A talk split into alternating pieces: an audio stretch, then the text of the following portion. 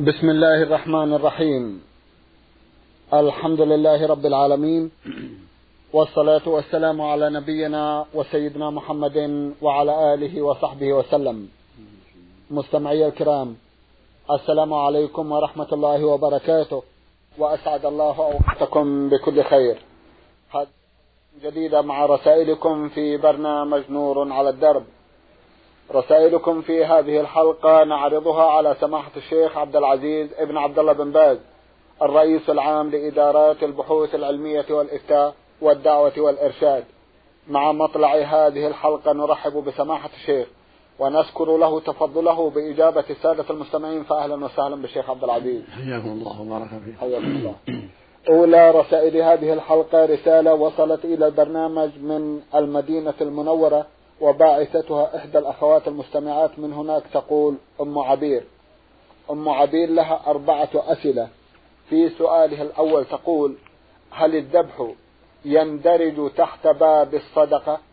وإذا أردت أن أذبح من أجل التصدق عن الميت هل هذا جائز؟ وجهوني جزاكم الله خيرا. بسم الله الرحمن الرحيم. الحمد لله وصلى الله وسلم على رسول الله. وعلى آله وأصحابه ومن اهتدى بهدى. أما بعد فلا شك أن الذبح لله والتقرب إليه بذلك من أفضل الصدقات ومن أفضل القربات كما قال الله عز وجل قل إن صلاتي ونسكي يعني ذبحي ومحياي ومماتي لله رب العالمين لا شريك له. وبذلك أمرت وأنا أول المسلمين. قال سبحانه إنا أعطيناك الكوثر فصل لربك وانحر. فالتقرب إلى الله بالذبائح فيه خير عظيم. ولهذا شرع الله جل وعلا الضحية في أيام عيد النحر. وكان النبي يضحي بكبشين أبلحين كل سنة عليه الصلاة والسلام. أحدهما عنه وأهل بيته والثاني عمن وحد الله من أمته عليه الصلاة والسلام. فإذا ذبح الإنسان ذبيحة يقصد بها التقرب إلى الله ويفعل الفقراء ينفع الفقراء ويحسن إليهم فلا بأس بذلك. وكان عليه الصلاة والسلام يذبح في بعض الأحيان الذبيحة ويوزعها بين صديقات زوجته خديجة رضي الله عنها. وهكذا تصدق بالنقود وبالطعام من التمر أو الأرز أو غير ذلك أو الملابس كل ذلك قربة وطاعة. إذا كان لله وحده سبحانه وتعالى على الوجه الذي شرعه الله جل وعلا.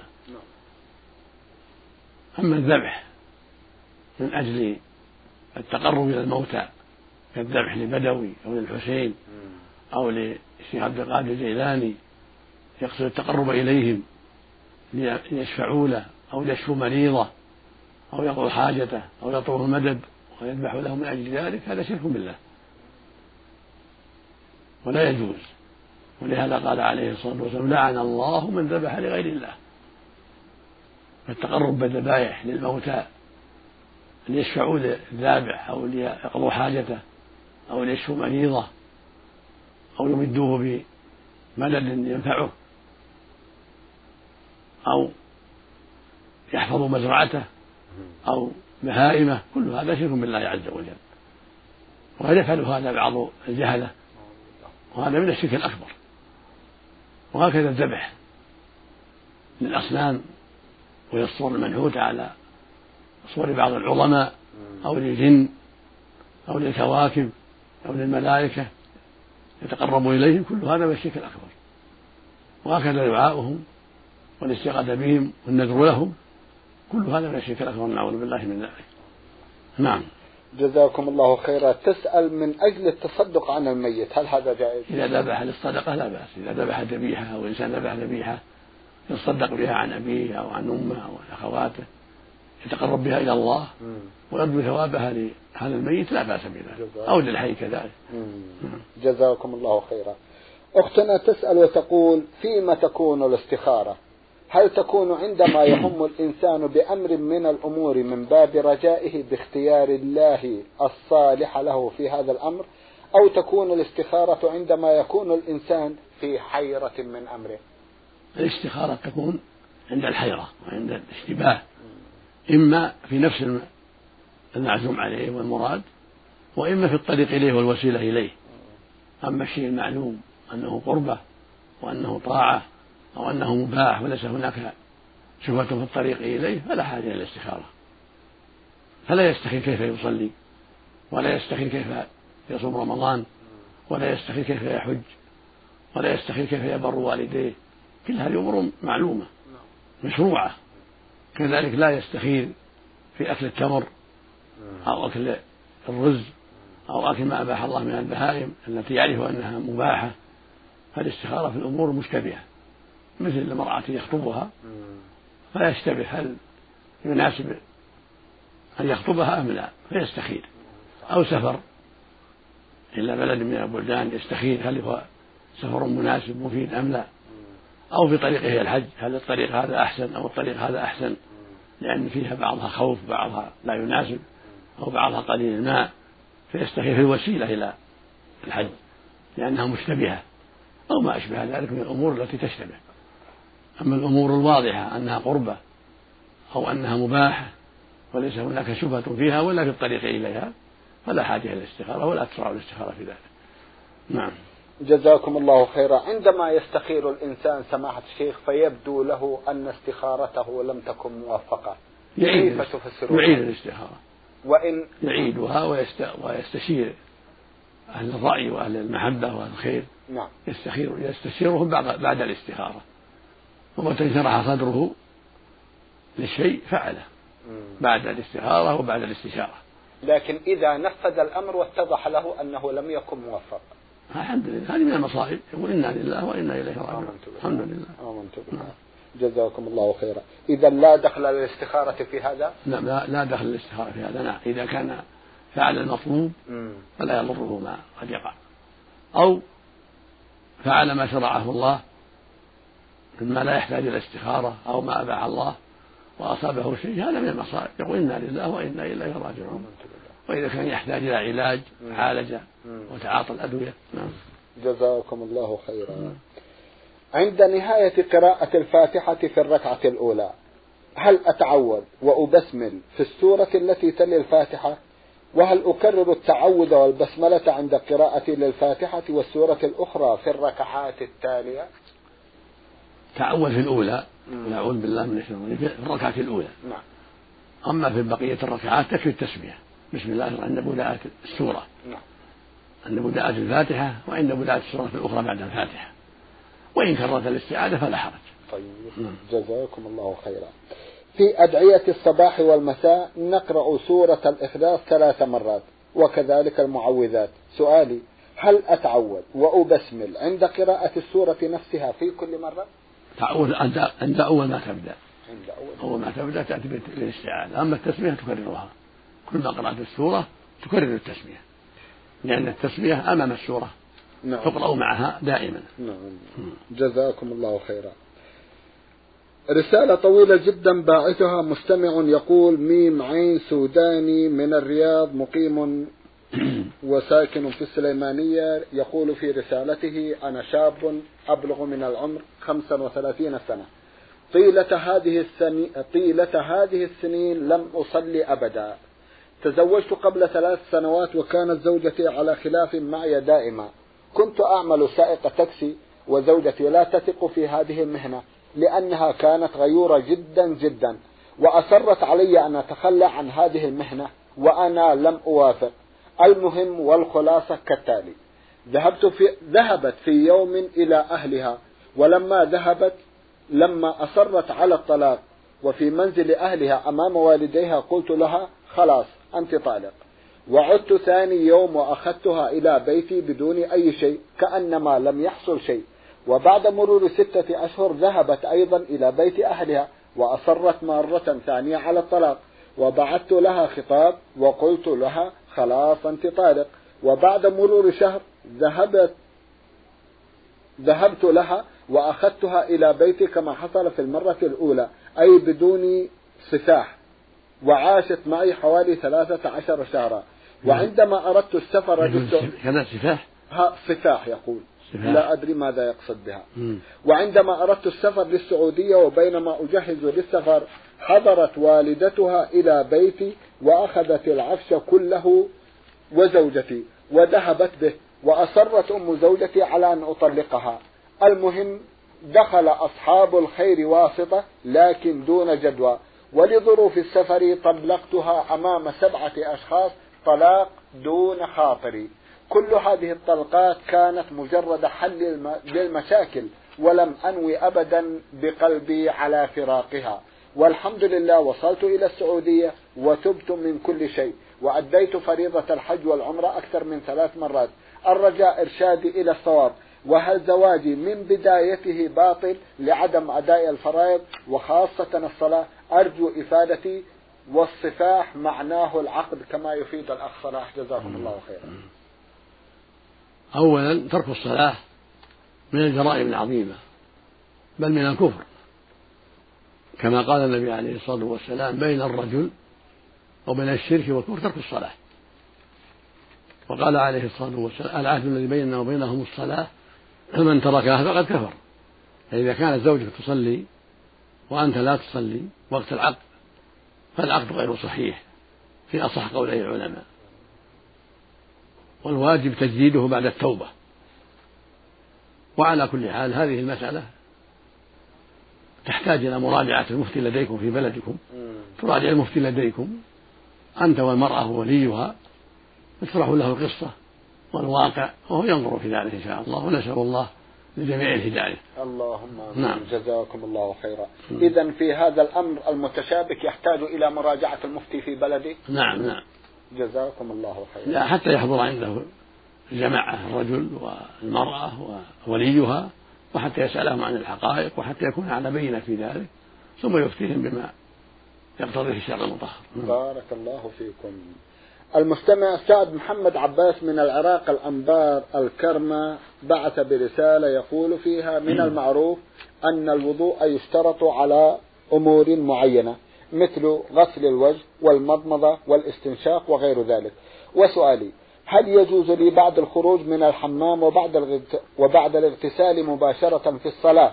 دون أداء شروط الوضوء المذكورة أجيبوني جزاكم الله خيرا.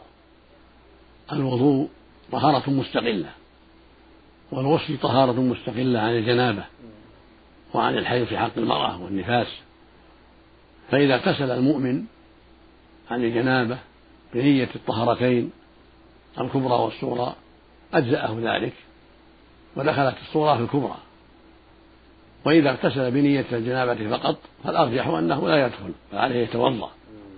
وإذا توضأ قبل الغسل يكون أفضل لأن الرسول عليه الصلاة والسلام كان يتوضأ قبل الغسل كان إذا أتى أهله يستنجي ويتوضأ وضوء الصلاة ثم يغتسل. هذا هو السنة. يستنجي يغسل ذكره وما حوله ويتوضأ وضوء الصلاة ثم يغتسل.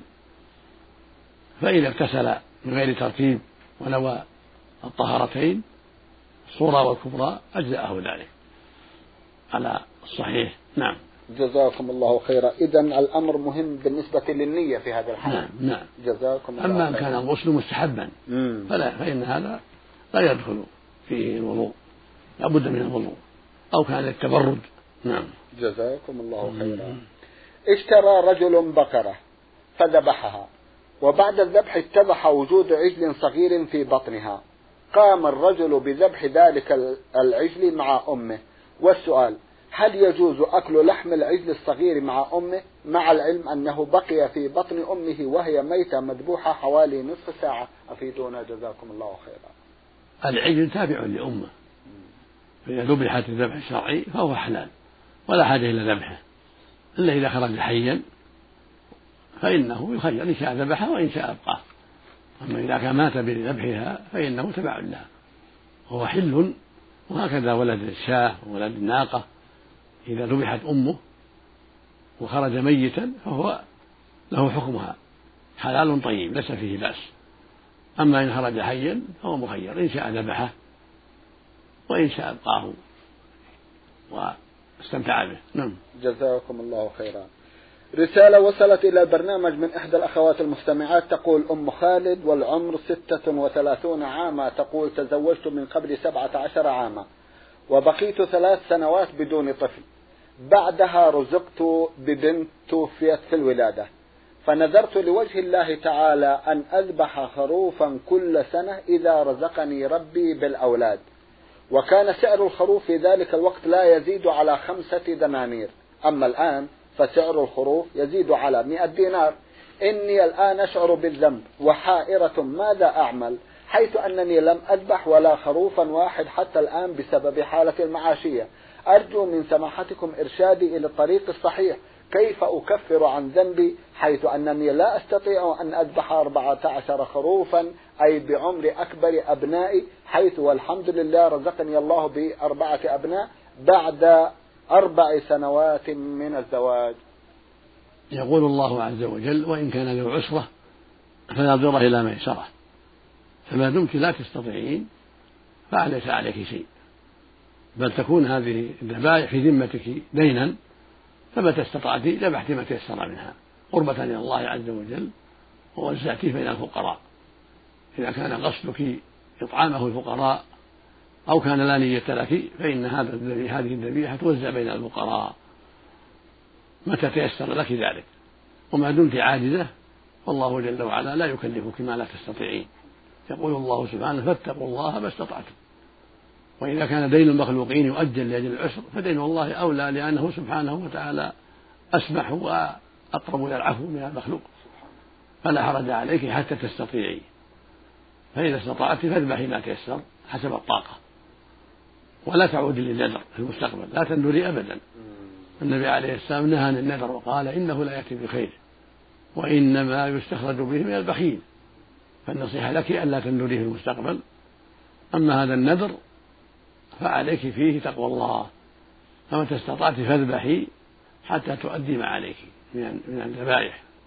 وما دمت عاجزة فالله جل وعلا عفو كريم كما قال سبحانه وإن كان ذو عسرة فنذره إلى ميسرة نعم. جزاكم الله خيرا. تقول أم خالد من العراق زوجي يصوم ويصلي ولكنه لا يؤمن بالنذور ويتحجج بالحالة المعاشية ويقول لا توفي بنذرك وإذا وأنا أتحمل ذنبك. علما أن لي دخلا ثابتا يزيد على مئة دينار شهريا حيث أنني أعمل مدرسة في مدرسة ثانوية. سبق الجواب في هذا. طيب. لا طاعة المخلوق في معصية الخالق. أيوة. الرسول عليه الصلاة والسلام من نذر أن يطيع الله فليطيعه. هكذا يقول صلى الله عليه وسلم من نذر أن يطيع الله فليطيعه. ومن نذر أن يعصي الله فلا يعصي. خرجه البخاري في الصحيح. فإذا كنت نذرت لله العبادة وهي التي تقدم ذكرها الذبيحة للصدقة على الفقراء فأوفي متى استطعت من مالك من معاشك أو من غيره. وإذا عجزت يؤجل حتى تستطيع. كما قال الله سبحانه وإن كان ذو عسرة فنظرة إلى ميسرة وإذا كان معاشك تستطيعين منه أن تشتري الذبيحة التي نذرت فاشتريها من معاشك أو من غير معاشك حسب القدرة. نعم. جزاكم الله خيرا. رسالة وصلت إلى البرنامج من المستمع عبد الرحمن محمد عباس يقول أنا طالب جامعي. وفي بعض الأحيان تفوتني صلاة الظهر بما فيها سنة رسول الله صلى الله عليه وسلم. فهل يجوز أن أؤدي صلاة الظهر مع صلاة العصر وبدون السنة أم أصلي صلاة الظهر بما فيها السنة مع صلاة العصر جمعا؟ لا يجوز لك الجمع بل يجب عليك أن تصلي الظهر في وقتها وليس لك تأخيرها إلى العصر وليست الدراسة عذرا في ذلك بل يجب عليك أن تصلي الظهر في وقتها ويشرع لك فعل السنة وهي أربع قبل الظهر وثنتين بعدها كما كما كان يفعل عليه الصلاة والسلام. يصلي أربعا قبل الظهر وثنتين بعدها. وهذه نافلة والمهم الفريضة. فالواجب عليك أن تصلي الفريضة في وقتها وهي أربع في حق المقيم وركعتين في حق المسافر كما هو معلوم. وليس لك أن تؤخرها إلى العصر وأنت مقيم. أما المسافر فلا بأس له التأخير والمريض كذلك. أما الاحتجاج بالدراسة فلا. نعم. جزاكم الله خيرا. أحفظ حديثا عن رسول الله صلى الله عليه وسلم يقول معناه إن لله تسعة وتسعين اسما مئة إلا واحدة من أحصاها دخل الجنة. ولكنني أملك قائمة بأسماء الله الحسنى وبعد أن أحصيتها وجدتها مئة اسم. هل اسم الستار من أسماء الله الحسنى؟ وجهونا جزاكم الله خيرا. لا أعلم في ذلك ما يدل على أن الستار من أسمائه وإن كان يستعمله الناس لكن لا أعلم في ذلك حديثا صحيحا عن النبي صلى الله عليه وسلم. وإنما جاء الستير إن ربكم حي وستير يستحي من عبده إذا رفع يديه إليه يردهما صفرا فأما الستار فلا أعلم فيه حديثا صحيحا يدل على أنه من أسمائه سبحانه. وأسماء الله موجودة في كتابه العزيز وفيما صح في السنة عن النبي عليه الصلاة والسلام وهي أكثر من مئة إلا واحد. ولكن هذه المئة إلا واحد رتب عليها النبي صلى الله عليه وسلم أن من أحصاها دخل الجنة. وفي اللفظ الآخر من حفظها دخل الجنة. يعني من أحصاها وعمل بمقتضاها. أما مجرد حفظها من دون عمل ما يكون سببا لدخول الجنة ولا يكون صاحبها محصيا لها. فإذا أحصاها واستقام على معناها دخل الجنة. نعم. رسالة وصلت إلى برنامج من العراق باعثتها إحدى الأخوات المستمعات تقول ميم نون.